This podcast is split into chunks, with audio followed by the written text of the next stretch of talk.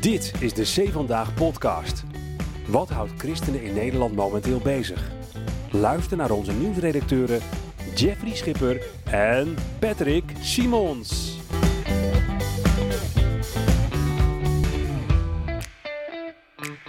Een paar weken geleden riep- liepen we nog huppelend rond tussen 60.000 campinggasten bij opwekking. En nu weer met z'n tweetjes in een warm zweethok de C Vandaag podcast.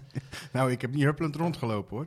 Nee, je was er ook amper te zien bij die opwekkingsconferentie, terwijl je wel in de buurt was. Ja, ik heb meer in het huisje gezeten dan op de conferentie zelf, hè? Ja, ja. Ja. Want we zaten met z'n allen in het huisje hè, met onze collega's. Dat was Ja. wel leuk, We hè? hebben een fantastisch weekend beleefd. Heerlijk was dat, ja. Ja. Gaan we elk jaar doen. Ik ben er overigens wel geweest, hè? Alleen niet elke, Ja. dag, alleen niet elke dag. Ja, ja, ja. Er Nee, waren ook andere belangrijke zaken, Jeffrey. Absoluut. PSV bijvoorbeeld. Ja, ja, want die zijn toen tweede geworden dat weekend, hè? En de Giro d'Italia. Ook nog. Dus het was een leuk sportweekend. Leuk sportweekend.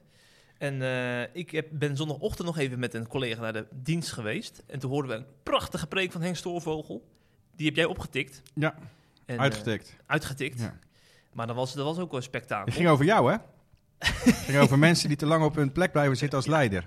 ja, ja. Ja. soms is het goed om eh, Ja. Een Om- stapje terug te doen. Ja, en dan iemand anders een stap vooruit te laten doen. Ja. Het is maar een hint verder. Nee, ik neem hem mee, ja? Ik hoor wat je zegt. Ja. Ik neem het ook in gebed mee, Patrick. Ja.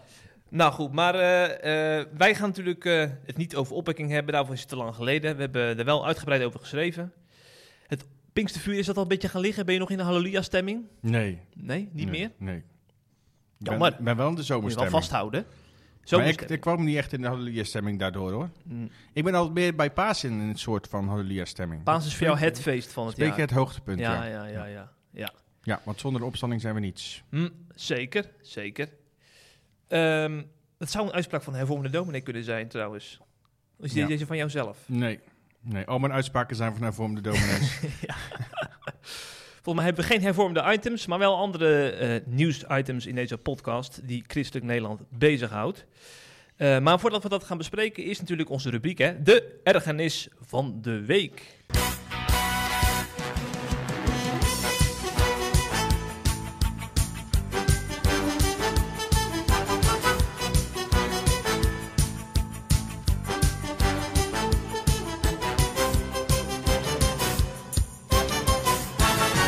Ik heb geloof ik al vaker laten vallen dat ik niet zo'n enorme fan ben van politieke jongerenorganisaties, Jeffrey. Ja. Eh, natuurlijk is het hartstikke belangrijk dat jongeren betrokken zijn bij de maatschappij en bij de politiek, bla bla bla bla bla. Maar niet zelden, en dan quote ik mijn held Johan Derksen, leiden ze aan een zeldzame vorm van zelfoverschatting. Ehm, en dat zien we regelmatig terugkomen. We hebben bij de SGP hebben we bekende namen als Tom de Nooijen gezien heel lang, die, die zich extreem profileerde. Matthijs van de Tang natuurlijk, recent nog. Ja. Die eh, ineens eh, opdook in een documentaire over nationalisten. En daar, eh, waarin ook openlijke antisemieten bijvoorbeeld aan het woord kwamen. Ehm, en hetzelfde leidt, leidt de moederpartij daar ook onder hè, destijds. En bemoeit zich er ook actief mee. Eh, destijds, met, met die, toen met Matthijs, toen hadden we eigenlijk eh, eh, een afspraak met de jongerenorganisatie dat ze zouden reageren op zijn deelname. En dat werd ineens teruggetrokken nadat vermoedelijk de woordvoerder van de, of de communicatieman van de moederpartij, of van de, ik zeg altijd moederpartij, van de, van de vol- volwassen partij, laten we het zo zeggen, zich ermee bemoeide. Eh, en de laatste tijd gaat het echter niet om de SGP of om de jongerenorganisatie van de SGP, maar om die van de ChristenUnie. Perspectief genaamd. Ze zijn de laatste maanden veelvuldig in het nieuws, moet ik zeggen, hè, met, met bepaalde acties. Eh, Bijvoorbeeld, ze hebben gedemonstreerd bij Ter Apel. Hebben ze overnacht in tentjes om eh, te demonstreren tegen dat er komende zomer wellicht weer asielzoekers buiten slapen daar. Ze zijn, waren aanwezig bij de steundemonstratie eh, voor een illegale snelwegblokkade van Extinction Rebellion, een linksextremistische organisatie. Ehm, en de laatste weken domineerden ze eh, het, nou het nieuws is overdreven, het social media, eh, mijn social media feed in ieder geval. Omdat er een verkiezing plaatsvindt van de nieuwe voorzitter van Perspectief. Dus dat gaat tussen twee mensen, Bart Bolhuis en Nathanael Post. Bart Bolhuis kennen we, die is regelmatig, eh, schrijft die columns voor ons, vragen we om een column. Nathanael Post heeft recent volgens mij ook op onze website gestaan. Ja, ook met een column. Dat is een beetje een promotieverhaaltje, hè? Ja, ja, ja. goed kan herinneren. Ja, klopt, klopt. Ja. Dat politiek niet alleen voor hoogopgeleiden is, maar voor alle mensen, voor ook voor praktisch opgeleiden. Ja, dus misschien La- mede een speech als je dadelijk verkozen wordt. Laag opgeleide. Dat noemen ze, dan moeten ze natuurlijk pra- Ja, maar het is hoog en praktisch. Dat, dat, dat Ja, dat klopt. Dat, dat is een beetje krom. Daar heb je gelijk in. Ja. Nou, in ieder geval, ehm, aankomende zaterdag zijn er dus verkiezingen. Wordt een van die twee gekozen tot de nieuwe voorzitter. En de afgelopen weken eisen ze werkelijk waar alle aandacht op op social media. Tot irritatie van heel veel mensen, waaronder ik. Waaronder eh, ik inderdaad.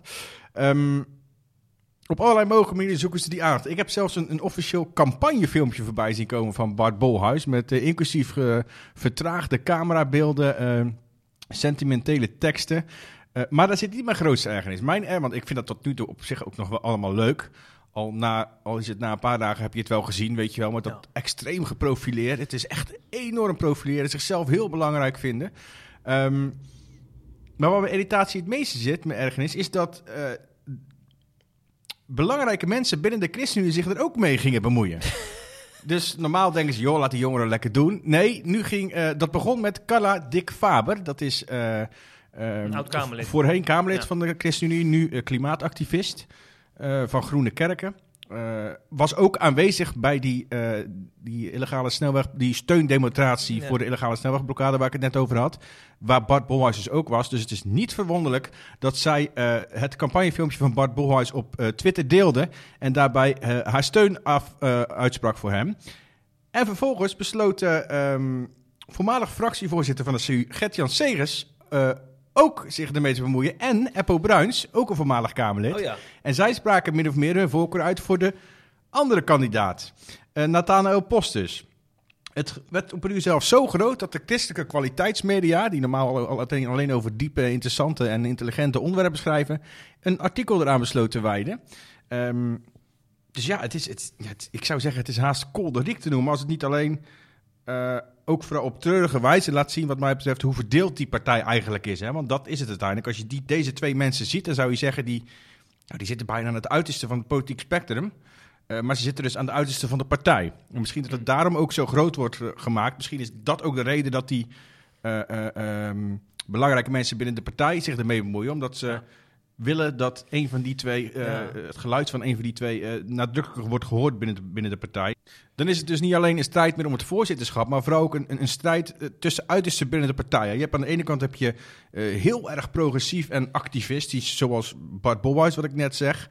Ehm, zelfs bij onderwerpen als abortus denkt hij bijvoorbeeld anders dan de gemiddelde CU'er, laten we het zo zeggen. Ja. En aan de andere kant heb je het behoudend conservatieve geluid. Binnen de partij dan behoudend conservatief. Hè? Dat is nog niet Ja. zo behoudend conservatief als bijvoorbeeld SGP. Maar binnen de partij is dat het behoudend conservatieve geluid echt de andere vleugel die Nathanael Post eh, vertegenwoordigt. Ehm, en het feit dus dat die belangrijke mensen zich ermee gaan bemoeien, laat wat mij betreft zien dat die strijd veel groter is dan alleen de strijd eh, binnen de jongere partij. Dus ik ben benieuwd hoe zich dat de komende jaren gaat ontwikkelen. Het laatste nieuws uit Christelijk Nederland bespreken we in de C Vandaag podcast.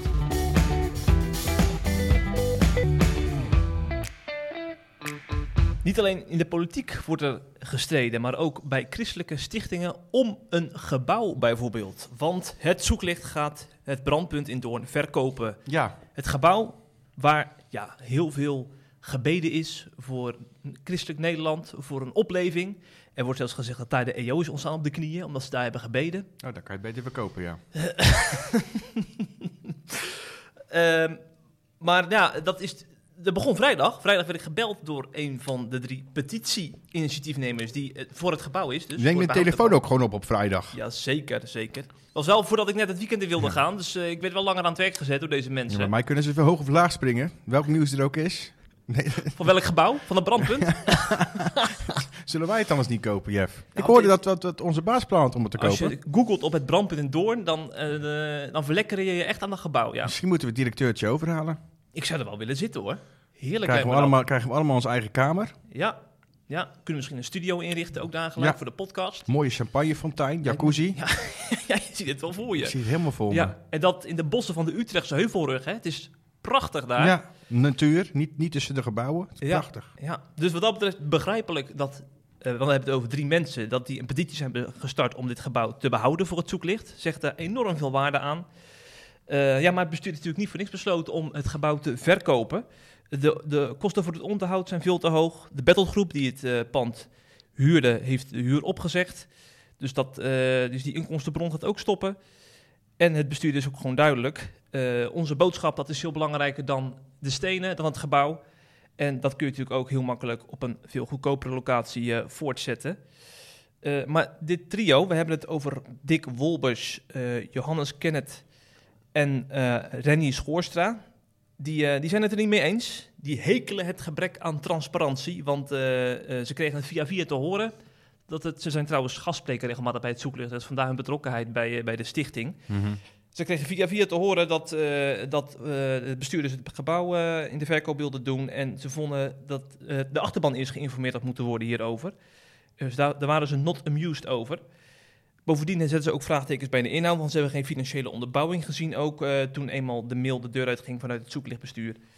En ze vinden het ook in geestelijk opzicht belangrijk om te blijven, want het gebouw is van God gegeven, zeggen zij, vanaf het begin. En als God het gebouw geeft, dan kan hij er ook alles aan doen om het gebouw te behouden voor het zoeklicht, want hij heeft alle macht.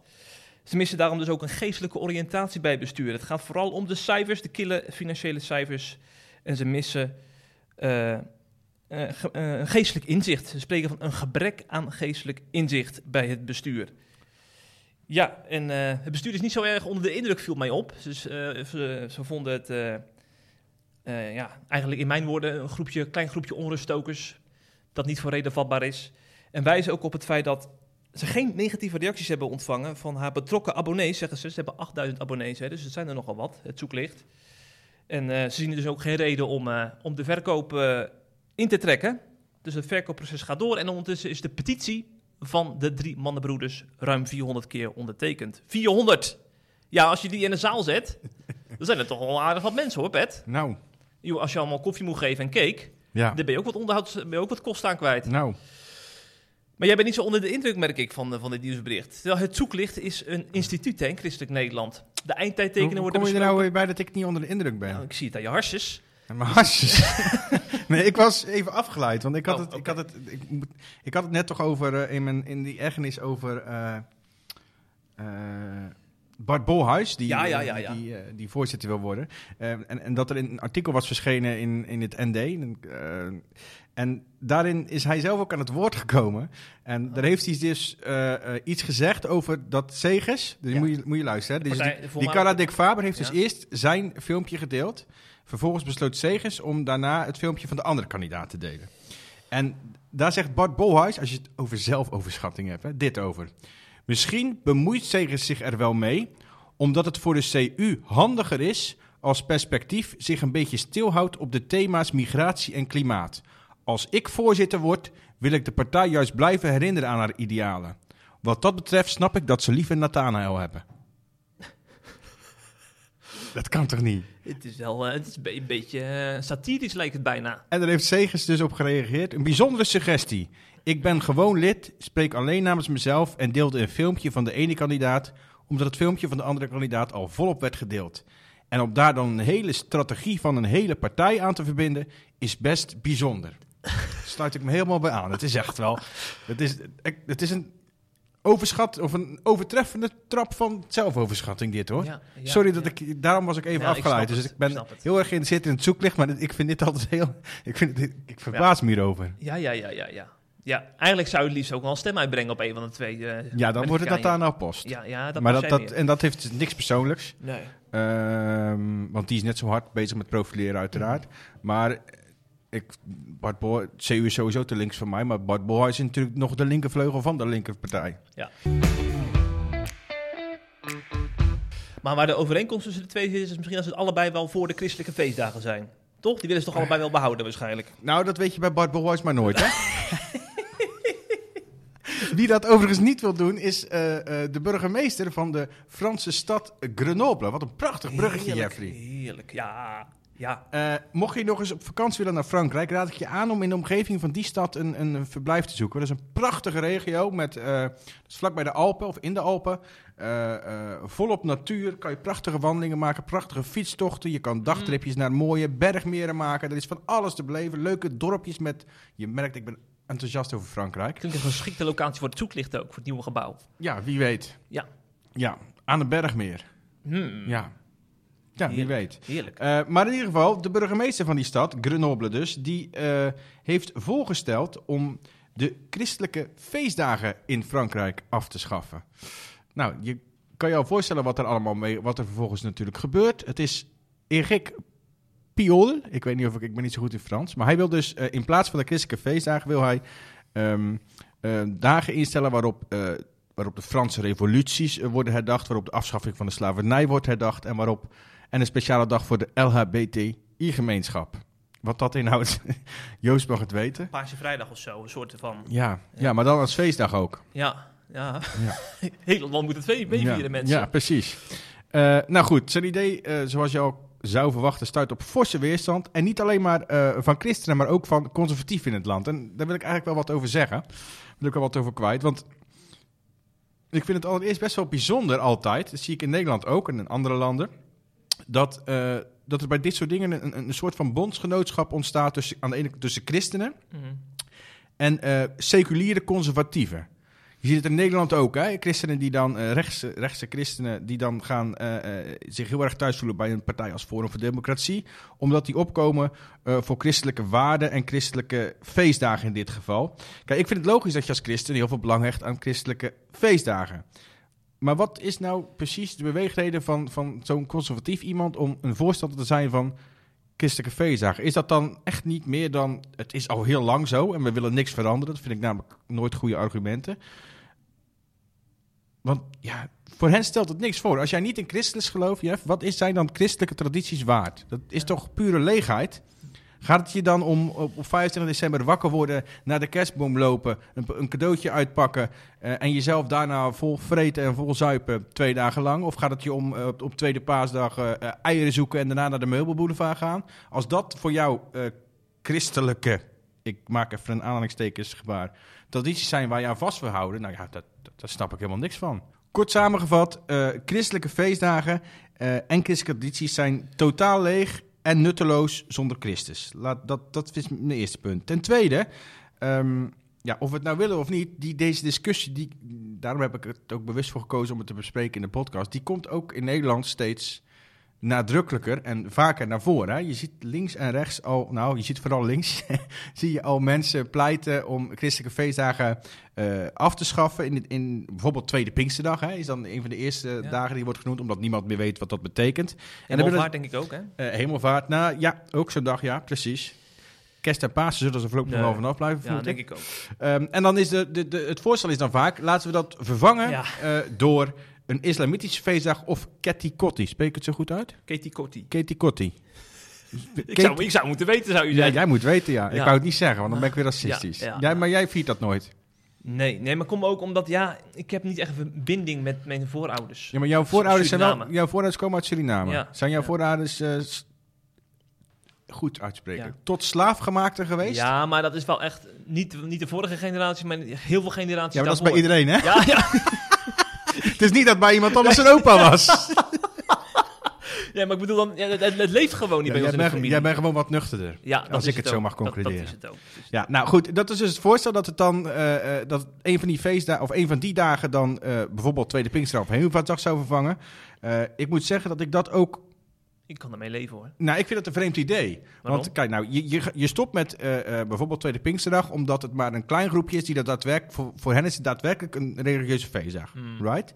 Ehm, dat vervang je dan door een islamitische feestdag, wat ook voor een select groepje is. Of door een, eh, een feestdag te, te vieren waarin de afschaffing van de slavernij wordt gevierd. Wat ook weer voor een select groepje is. Ja. Maar we hebben al heel veel dagen, hè? Met Paas en Pinksteren en Kerst, toch?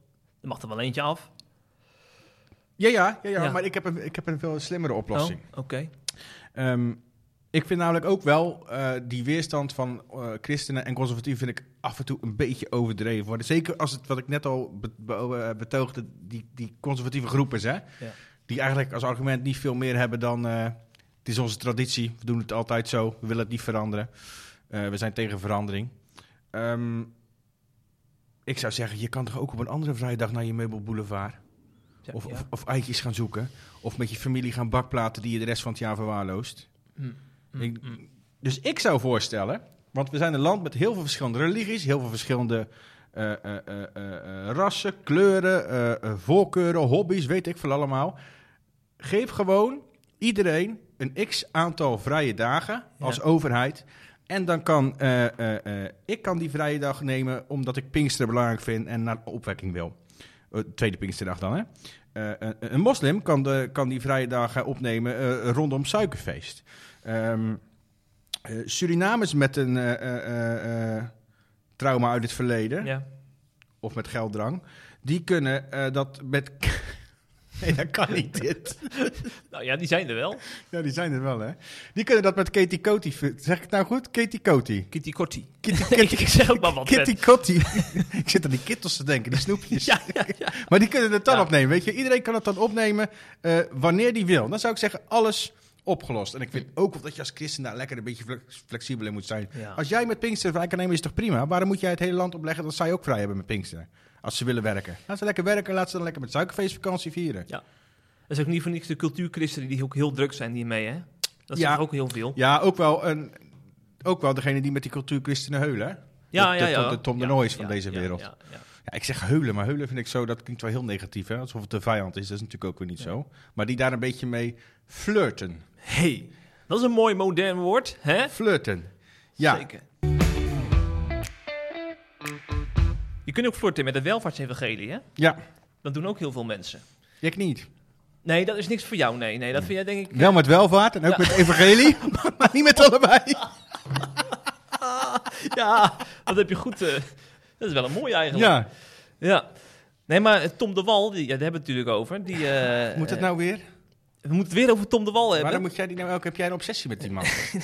Nou, er zijn, er zijn mensen die wel eens columns schrijven... die volgens mij eerder een obsessie met die man hebben... want die kunnen niet ophouden om erover te twitteren. Mark de Jager, PKN-predikant uit Drenthe... die vroeg zich onlangs af op zijn Twitterpagina... of het misschien mogelijk is om eh, advertenties vanwege ketterij te rapporteren. Ja. Want hij stoorde zich aan de advertentie van frontrunners... namelijk met de tekst... God geneest altijd. Ik denk ook wel een persoonlijke, persoonlijke reden. Hè? Zijn vrouw is eh, chronisch ziek, hè? Ja, dat kan natuurlijk ook meespelen. Ja, Ah, nou, dat, dat weet ik wel zeker. Oké, oké. Er is ook een mooi interview in trouwens. Zijn vrouw- zijn vrouw heeft- vrouw. Ja, ja, en die zit volgens mij ook in een rolstoel. Oh, Dus hij liep me, als ik me goed herinner, werd hij aangesproken door, Ja. door, eh, door iemand van Frontenis ook een keer. ja. Maar Dan is het ook niet gek dat je er zo fel op bent op zo'n Nee. eh, theologie. nee. En dan weer eerlijk zeggen, God geneest altijd. Dat is ook nogal wat om dat eh, op een advertentietekst te zetten. Zeg, hé, goeiedag. Eh dus hij stoorde zich er enorm aan. En toen heeft hij ook een, eh, ja, een column geschreven in eh, een van de kwali- kwaliteitsklanten van Christelijk Nederland. En die is veel gedeeld op Twitter, ongekend. Veel mensen herkennen zich erin, onder wie Stefan Paas, voormalig theoloog des Vaderlands. Hij zegt, als de wal het echt meent, hè, dus dat God altijd geneest, dan is het inderdaad ketterij en pastoraal schadelijk. Dus eh, ja, ik denk dat veel mensen dat hebben geretweet, hè. Die Als Stefan Paas het zegt, dan is het zo. Daarom, daarom. Het geweten van christelijk Nederland. Eh, volgens dominee Uitslag van de christelijke grachtengordel-elite. Nou, hij vindt zelf van christelijk Nederland, denk ik. Of eigenlijk van heel de wereld. Ja. Hij is trouwens ook vaak te horen in podcast, hè? Hij, is, hij is een beetje de Sander Schimmelpenning van christelijk Nederland, vind ik eigenlijk. Ja, voor wie hem niet kent, San- San- Sander Schimmelpenning, wie is dat dan? Dat is, eh, eh, eh, nou, dat is de, gracht, de grachtengordel zonder christelijke grachtengordel. Eh, en die neemt alles en iedereen altijd de maat. En als je anders denkt dan hij, ben je dom. Dom rechts, hè? Ja. ja. Nou, dom links ook. Dom links Oh, gebruikt dom- hij ook wel. Ja hoor. Oké, Ja. Dus je bent vooral dom als je anders denkt. Ja. En die neiging heeft Stefan Paas af en toe ook op Twitter. Ja, ja.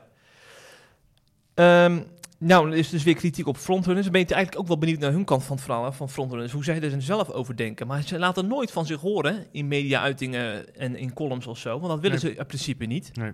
Dus dan zijn ze afhankelijk van iemand als Daniel van Deutenkom... die het voor hun geluid opneemt. Dat is natuurlijk een bekende evangelist in eh, de charismatische kringen... Die, het voor, die ook aan hun kant staat in deze discussie. En die had een heel verhaal op Facebook. En eh, ehm, hij, is- hij, begon, hij verwees naar de twaalf discipelen uit Handelingen... die dus ook eh, wonderen deden in Jezus' naam. Twaalf? Twaalf apostelen bedoel ik. Welke twaalf?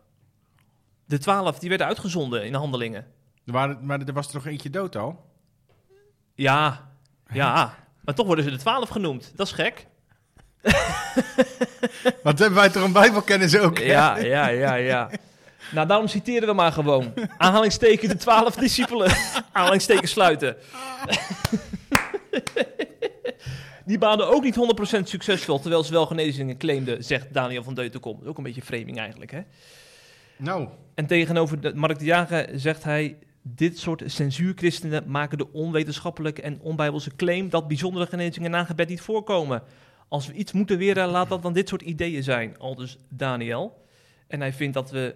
Een schande, een schande dat eh, wonderen worden ontkend. Wat volgens mij de jager helemaal niet doet. Hij ontkent dat God altijd geneest. Dat is wat anders natuurlijk. ja. Eh, maar zo zitten we allemaal een beetje in onze loopgraven. Terwijl ik denk van, eh, het is een prachtige gave van de geest, man. Een van de negen geestesgaven. Bidden voor genezing. Laten we er ook een beetje zuinig op zijn met z'n allen. In plaats van elkaar ermee verketteren. nou, hier komen we verder mee met die oproep. En nu? Nou ja, ik zou je in de, in de verdiepen. Het zijn mooie ga- gaven, Patrick. En we hebben ook nog de gave van wijsheid. Nou, die heb ik. De, ga, de gave van... de gave van profetie. In plaats van dat we daar nou eens een keer ons, elkaar in aansporen om daarin Ja, maar Jezus te volgen. Ja, maar het probleem is dus dat daar de, schijnbaar de interpretaties zo ver uit elkaar gaan... dat er gewoon eh, haat en nijd ontstaat. Ja, dat is ook niet gek, hè? Want als je tegenstander bent, dan vind je dat valse theologie en er is er ook geen compromis mogelijk. En als je voorstander, een en, als je voorstander bent, dan vind je dat dus... eh, dan vind je de tegenstanders het dwarsbomen van Gods eh, plannen en Gods koninkrijk. Dus, dan zie je, dus daardoor wordt het zo fel. Ja, Dus ze vinden het allebei val- de tegenstander vals. Ja, vals, zeker. profetie- vals, vals eh, godsdienst. Ja. Dat is een beetje het probleem. Zeker, ja. En toch vind ik het jammer dat Tom de Wal niet gewoon zelf een keertje zich uitspreekt hierover. Ja, dat gaat, zal het in ieder geval nooit bij ons gaan doen, ben ik bang. Als je gratis boeken uitdeelt bij opwekking, heb dan ook het lef om je te verantwoorden. Ook wel opvallend dat opwekking dat eh, prima vindt, hè? Ja, ja. Maar zou ze er überhaupt van weten? Zou die gewoon via de bosjes stiekem eh, met een Nee, nee, aantal nee, boeken... ze hadden een stand. Ze Oké, hadden oké. een stand, dus dat weten ze wel degelijk. Ja, ja, dan laat ze het gewoon toe. Ja, Ja. Oké. Je had nog een nieuwtje, toch? dat is een slecht bruggetje. Had je net zo'n mooie brug en dan begin je nou ineens, je had nog een nieuwtje. Beet beu. Weer de zon in. Nou ja, onze baas had ons een eh, gratis vrije middag be- toegezegd, toch, deze week? Ik heb geen baas. Wat is het dan voor jou? Directeurtje. De, oh, directeurtje. Ja, ja. Ik hoor van meerdere mensen dat ze dat waarderen. Dat, wij, dat we het directeurtje regelmatig aanhalen in Van de meerdere mensen. Oh, iemand op opwekking wilde met ons op de foto, hè? Ja, ja. En ik zag hem daarna dat hij ook met, het met eh, ND-personeel op de foto was gegaan. Ja, ja, die ook een podcast hebben. Ja, ja, Ja, dus blijkbaar is hij een soort van christelijke podcastfanaat. ja. Die alles afgaat. Dus hij zal dit ook wel horen. Dus eh Volgend jaar weer op de foto, jongen. volgt je weer op de foto. Ja. En dan ook met handtekeningen, hè? Ja. Tatoeage, maakt allemaal niet ja, uit. Ja, tatoeage op je knie. de voorkant van je knie. maar wat het over, wat hadden we het over? Je hoorde van meerdere mensen dat? Dat, het, dat ze het fijn vinden dat we directeurtje regelmatig even aanhalen. Dat ze het ook heel grappig vinden dat wij, dat wij ook hem directeurtje noemen. Dat vinden ze zo komisch. Ik ken een vrouw uit de kerk van mijn schoonouders. Die ligt echt in een deuk, zegt ze dan, als ze de podcast luistert. Vindt ze hartstikke leuk. En ze vinden dat er te weinig gelachen wordt in Christelijk Nederland. Dat we dat vooral moeten doen in de podcast, Ja. zei ze. Waar ook weinig gelachen wordt, Jeffrey, is bij de politieke partij Bijeen. Ja, die hebben we ook. Zelfoverschatting, dan heb ik jou daar. Zo. Eh, die hebben, ehm, nu even serieus, in navolging van onder meer de protestantse kerk in Nederland, de PKN, hebben ze ehm, het 75-jarig jubileum van de staat Ja. Israël aangegrepen Ja. om eh, het vooral over de Palestijnen te hebben. Nakba. Juist. Eh, daar begint de partij zelfs zo ver dat ze eh, in een mail die ze stuurden naar, naar de hele achterban, of naar iedereen die zich daarvoor inschrijft, ehm, een, een leus gebruikte die door veel mensen wordt gezien als een verkapte oproep tot het vernietigen van het volk Israël. Openlijk en zonder schaamte. Ehm, en het is de leus. Eh, from the river to the sea, Palestine will be free. Ja, ik laat hem jou zeggen, want ik kan geen Engels. Ah. Ehm, en dat is dus een partij, moet je nagaan, hè? Een partij die strijdt voor inclusiviteit. Behalve als je wit, man, hetero, christelijk of joods bent, dan is het ineens niet meer zo belangrijk. Dan moet je je mond houden. En die stuurde dus een mailtje rond waarin de titel van de mail die leus stond. En in, in de mail zelf stond eh, de leus nog een keer.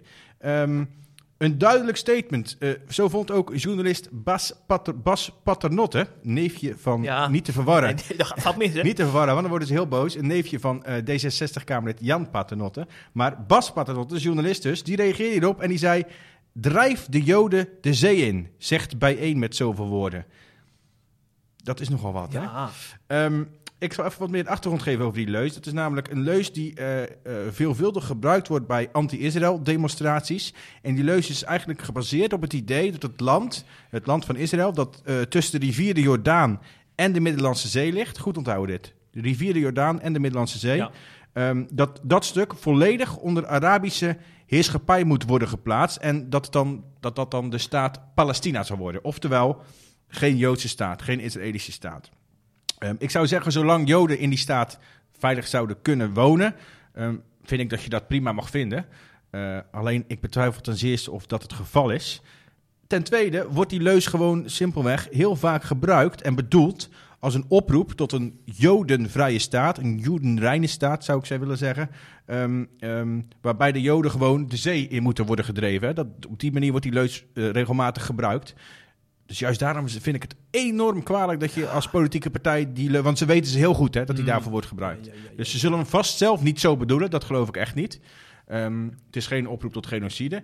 Maar die wordt soms wel gebruikt als een oproep tot genocide. En dan moet je jezelf als politieke partij ver daar vandaan houden. Helemaal als je zelf altijd eh, de mond vol hebt eh, over inclusiviteit en respect en tolerantie. eh, en ga zo maar door.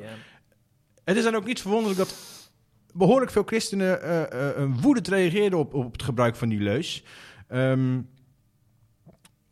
onder wie SGP-senator Diederik van Dijk. En ik citeer: Een nauwelijks verkapte oproep van een politieke partij om de Joodse staat Israël van de kaart te vegen.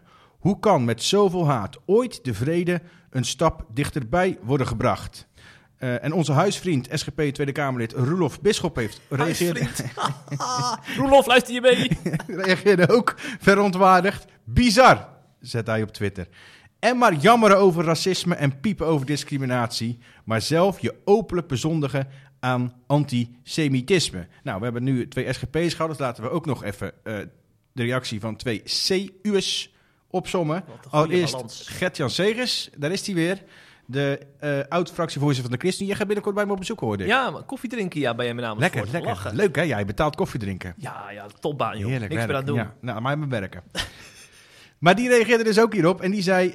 Israël is de laatste hoop voor elke Jood in een wereld waarin Joden nooit en nergens veilig waren en zijn. En precies dat land moet van bijeen van de kaart worden geveegd. En eh, ook Mirjam Bikker, de huidige Ja. eh, fractievoorzitter van de CU, de voorvrouw, zegt ze zelf graag, en dat vind ik ook een heel mooi woord.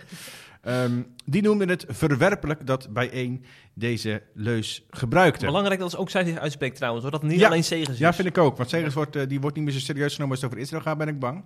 Eh, omdat hij natuurlijk eh, heel erg pro-Israël is. Eh, dus dat, en dat krijgt hij ook, kreeg hij in zijn tijd als fractievoorzitter veel kritiek op. En dat zal nu alleen maar meer worden. Omdat hij zich nu natuurlijk helemaal niet meer inhoudt. Ja. Maar dus daar ben ik het helemaal mee eens. Belangrijk dat ook Bikke zich daarover uitspreekt. Overigens moest ik, toen ik, toen ik hier van de week dat artikel aan het lezen was... want jij hebt het geschreven volgens mij, Ja. hè? Moest ik denken aan, aan, aan Henk Binnendijk. Daar ben ik een Oh. maandje geleden geweest. Het komt binnenkort Ja. allemaal op Zee Vandaag, uiteraard. Een vier of een vijf luik. Die zegt weer fantastische dingen. Eh, en hij vertelde onder meer over een, een jarenlange vriendschap die hij onderhield... ehm, met een rabbijn uit Israël. Die rabbijn is inmiddels overleden. Eh, en hij, hij noemde hem een zielsverwant. En het verhaal van die rabbijn is als volgt. Die, die werd als driejarig jongetje werd hij naar een, concentratiekamp eh, gevoerd. Met zijn hele familie. Dus zijn vader, moeder, broertjes, zusjes, opa, oma, nichten, neven, tantes, ooms. Allemaal dood. Allemaal afgeslacht. Om, alleen maar omdat ze Jood waren. Behalve hij. Hij heeft het overleefd. Hij is later naar Israël gegaan. En eh, enkele jaren terug sprak Henk hem. En toen, toen zei Henk... ehm hij had het over de toekomst. Hè? En dan zei hij, nou ja, volgens de Bijbel staat er nog heel wat te wachten voor zowel christenen als, als Joden, als Israël.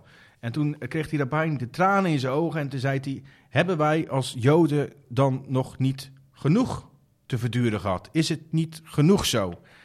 En dat herhaalde hij meerdere keren en zei Henk tegen me, ik ben dat echt als een profetie gaan zien. Het is genoeg zo voor Hmm. Israël.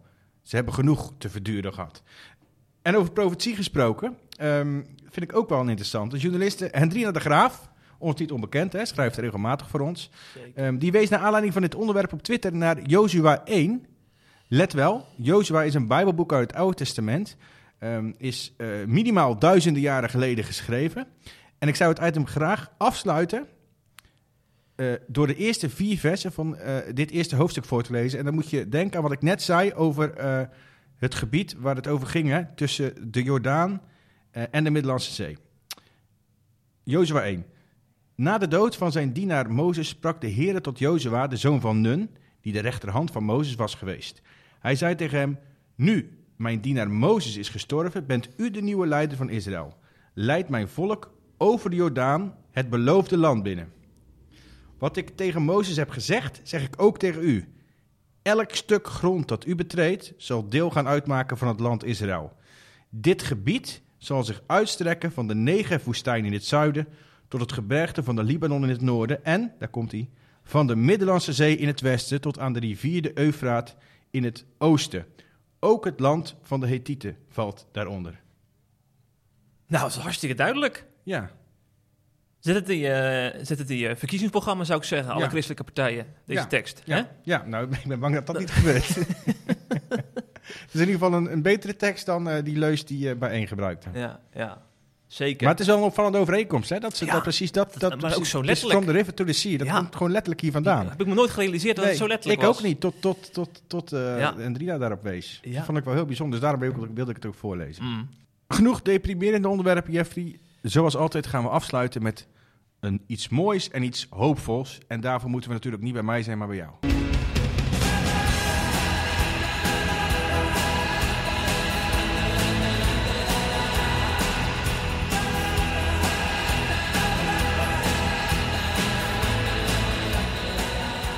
Ja, en we blijven wel even in het Midden-Oosten. Eh, want daar leven heel veel moslims. En ik las een berichtje van Patrick Goede, onze collega, die vaak hoopvolle berichten tikt hè, voor C vandaag. Ja, En deze week komt er een bericht online, die zat eh, ingepland voor aanstaande donderdag, over twee zendelingen die uitgezonden zijn naar de Arabische wereld en zeggen dat ze enorm veel moslims in hun, in hun omgeving tot geloof zien komen, omdat ze een droom hebben waarin ze Jezus zien.